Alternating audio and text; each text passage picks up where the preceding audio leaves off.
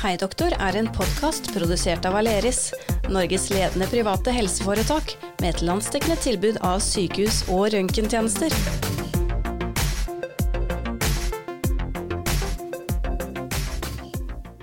Hallo, hallo, og velkommen igjen skal du være til en eh, ny episode av Hei doktor, i podkasten der vi snakker om stort og smått innenfor det store temaet helse.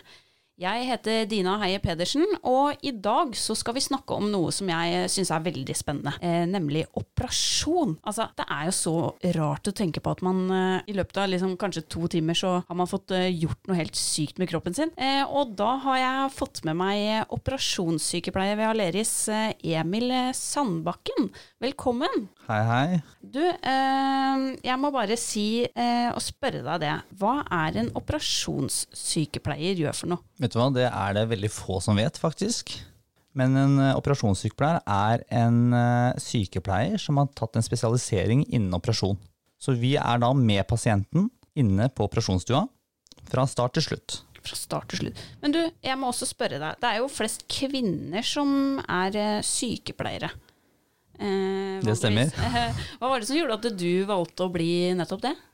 Jeg valgte å bli sykepleier fordi jeg merka på slutten av videregående at uh, jeg hadde en uh, interesse for liksom kroppen, fysiologi, uh, en del sånne Jeg gikk egentlig realfag, da. Gikk liksom all mye fysikk og matematikk og tenkte, hadde egentlig tenkt fra første klasse på videregående at jeg skulle bli ingeniør. Så rundt tredje klasse så begynte jeg å bli mer nysgjerrig på kroppen og få mer sånn medisinsk interesse, på en måte. og så um, var det en avissak om at uh, sykepleiere kommer vi til å ha stort behov for fremover. Så da tenkte jeg vet du hva, jeg prøver meg på sykepleie, og har ikke angra meg siden. Så bra, det er godt å høre. Men uh, du, hva slags operasjoner er det du uh, pleier å være med på, da? Her på Aleris, så, her på Aleris Frogner så har vi jo en veldig stor operasjonsavdeling. Vi har syv operasjonsstuer med så å si alle spesialiseringer innen kirurgi. Så her er det alt fra øre, nese, hals. Du skal kanskje justere skilleveggen, eller, eller frese ut noen bihuler. Høres, høres, så greit ut. Eller så uh, har vi urologi. Du har jo snakket med Sevat tidligere, Molven. Ja. ja. Uh, vi har plastikkirurgi. Og du er med på, på alle disse forskjellige eh, operasjonene, holdt jeg på å si. Ja, vi har over 160 ulike inngrep nå.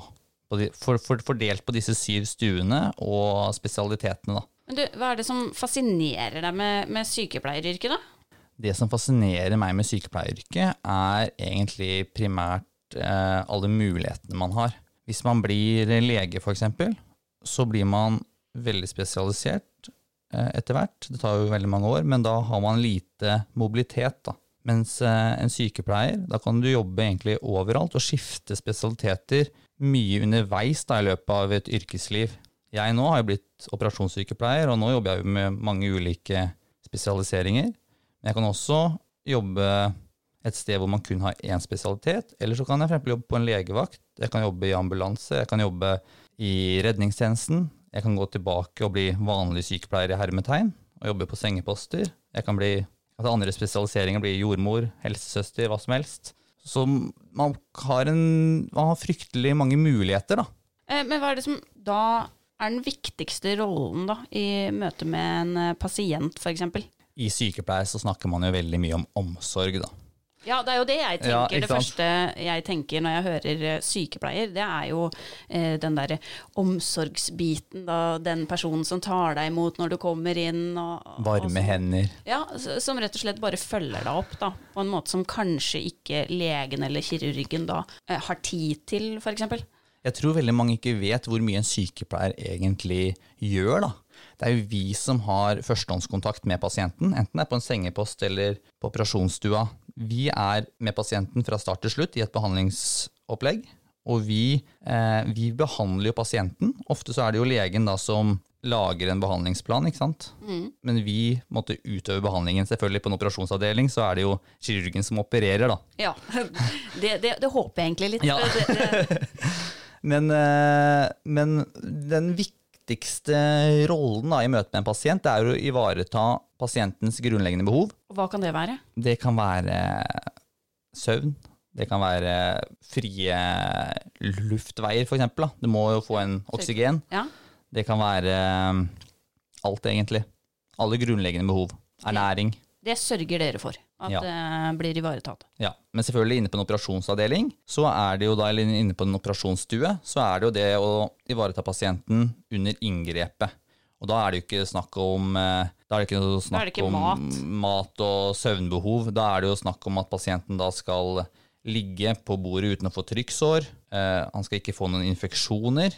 Vi sørger for steriliteten på instrumenter. Eh, og i samråd med anestesisykepleierne, da, som legger da pasienten i narkose, så pasienten får sove, så ivaretar vi da pasienten fra start til slutt inne på operasjonsavdelingen.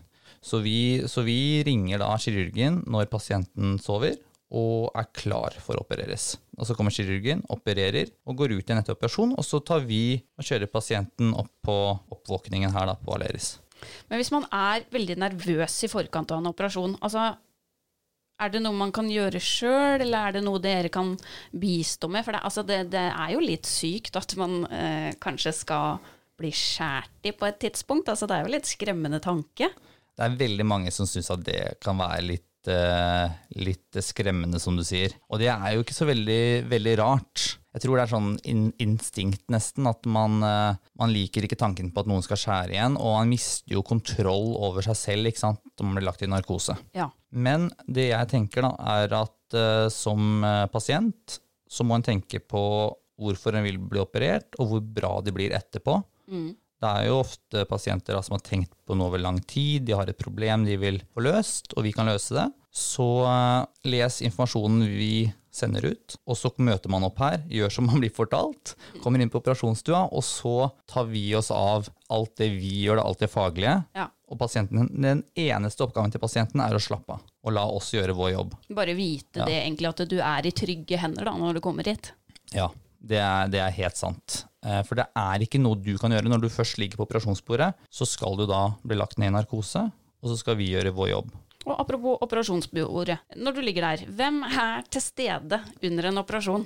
Eh, Det er også et bra spørsmål, det er ikke alle som vet det. Men eh, her så har vi da, da har vi én eller to operasjonssykepleiere, avhengig av hvor stort inngrepet er. Og så har vi én anestesisykepleier, eventuelt to. Og så har vi en anestesilege og en operatør da, eller kirurg, eventuelt to. Men eh, er det mange som får en eh, reaksjon etter en eh, operasjon? Altså det er jo tross alt ikke akkurat dagligdags å bli skjært i eller lagt i narkose, holdt jeg på å si. Ja, det, er, det er veldig morsomt at du sier, fordi for oss så er det jo det. Vi ser det her hver dag. Ja. For pasienten så er det en stor opplevelse. De har eh, kanskje planlagt det her i mange år, eller i mange måneder eller uker. Endelig skal det få gjort. Og det er jo stort, de er nervøse, men så kommer de inn til oss. De, de fleste opplever en trygghet. De sovner, de blir lagt i narkose, våkner de opp, så sier de 'hæ, hvor, hvor er jeg, hva har skjedd'? Og mange er veldig fornøyde. Mange har hatt hatt en veldig god narkose. Eh, de har jo ikke følt noe. De er, det bare som om du har sovet, rett og slett. Du sovner, og så våkner du dagen etter, ikke sant? Ja, Her så sovner du klokka åtte, og så våkner du klokka ti, og så har du fått et kne eller ny hofte, ikke sant? Du har rett og slett fått økt livskvaliteten på, i løpet av to timer, da, og du har egentlig bare sove deg gjennom det. Det Ja. høres jo egentlig litt chill ut. Ja. sånn.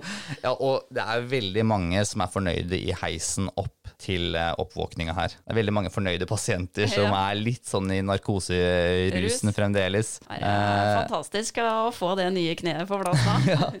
Så jeg vet jo ikke helt hva pasientene føler når de liksom kommer tilbake til hverdagen, og om de har, får noen reaksjon på operasjonen sånn sett. Nei. Men jeg har jo snakket med pasienter som har blitt operert tidligere, som kommer inn igjen for noe annet, eksempel. Og det de sier, er at de egentlig ikke husker noe. Og det kan være en litt sånn rar følelse, da. Du husker jo ikke hvem som opererte deg, eller hvem som var på operasjonsstua. Du husker ikke Du husker egentlig ingenting fra inne på operasjonsstua. Men det er kanskje egentlig litt greit når en tenker over det, fordi som jeg også sier da, det er jo ikke dagligdags kost, og det å kanskje eh, ja, tenke for mye på det, det er kanskje bare å la være, og heller bare være glad for at eh, nå er problemet, eller eh, det jeg har ønska å få gjort noe med, det er løst.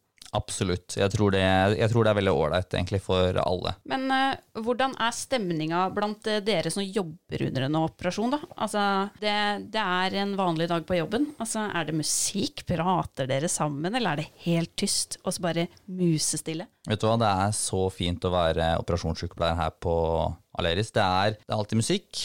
Vi prater sammen. Vi har det veldig ålreit under operasjonene. Vi, pasienten også reagerer ofte med å si at oi, her var det hyggelig, god stemning på operasjonsstua. Og det, det tror jeg gir en god følelse da, for operasjonspasientene.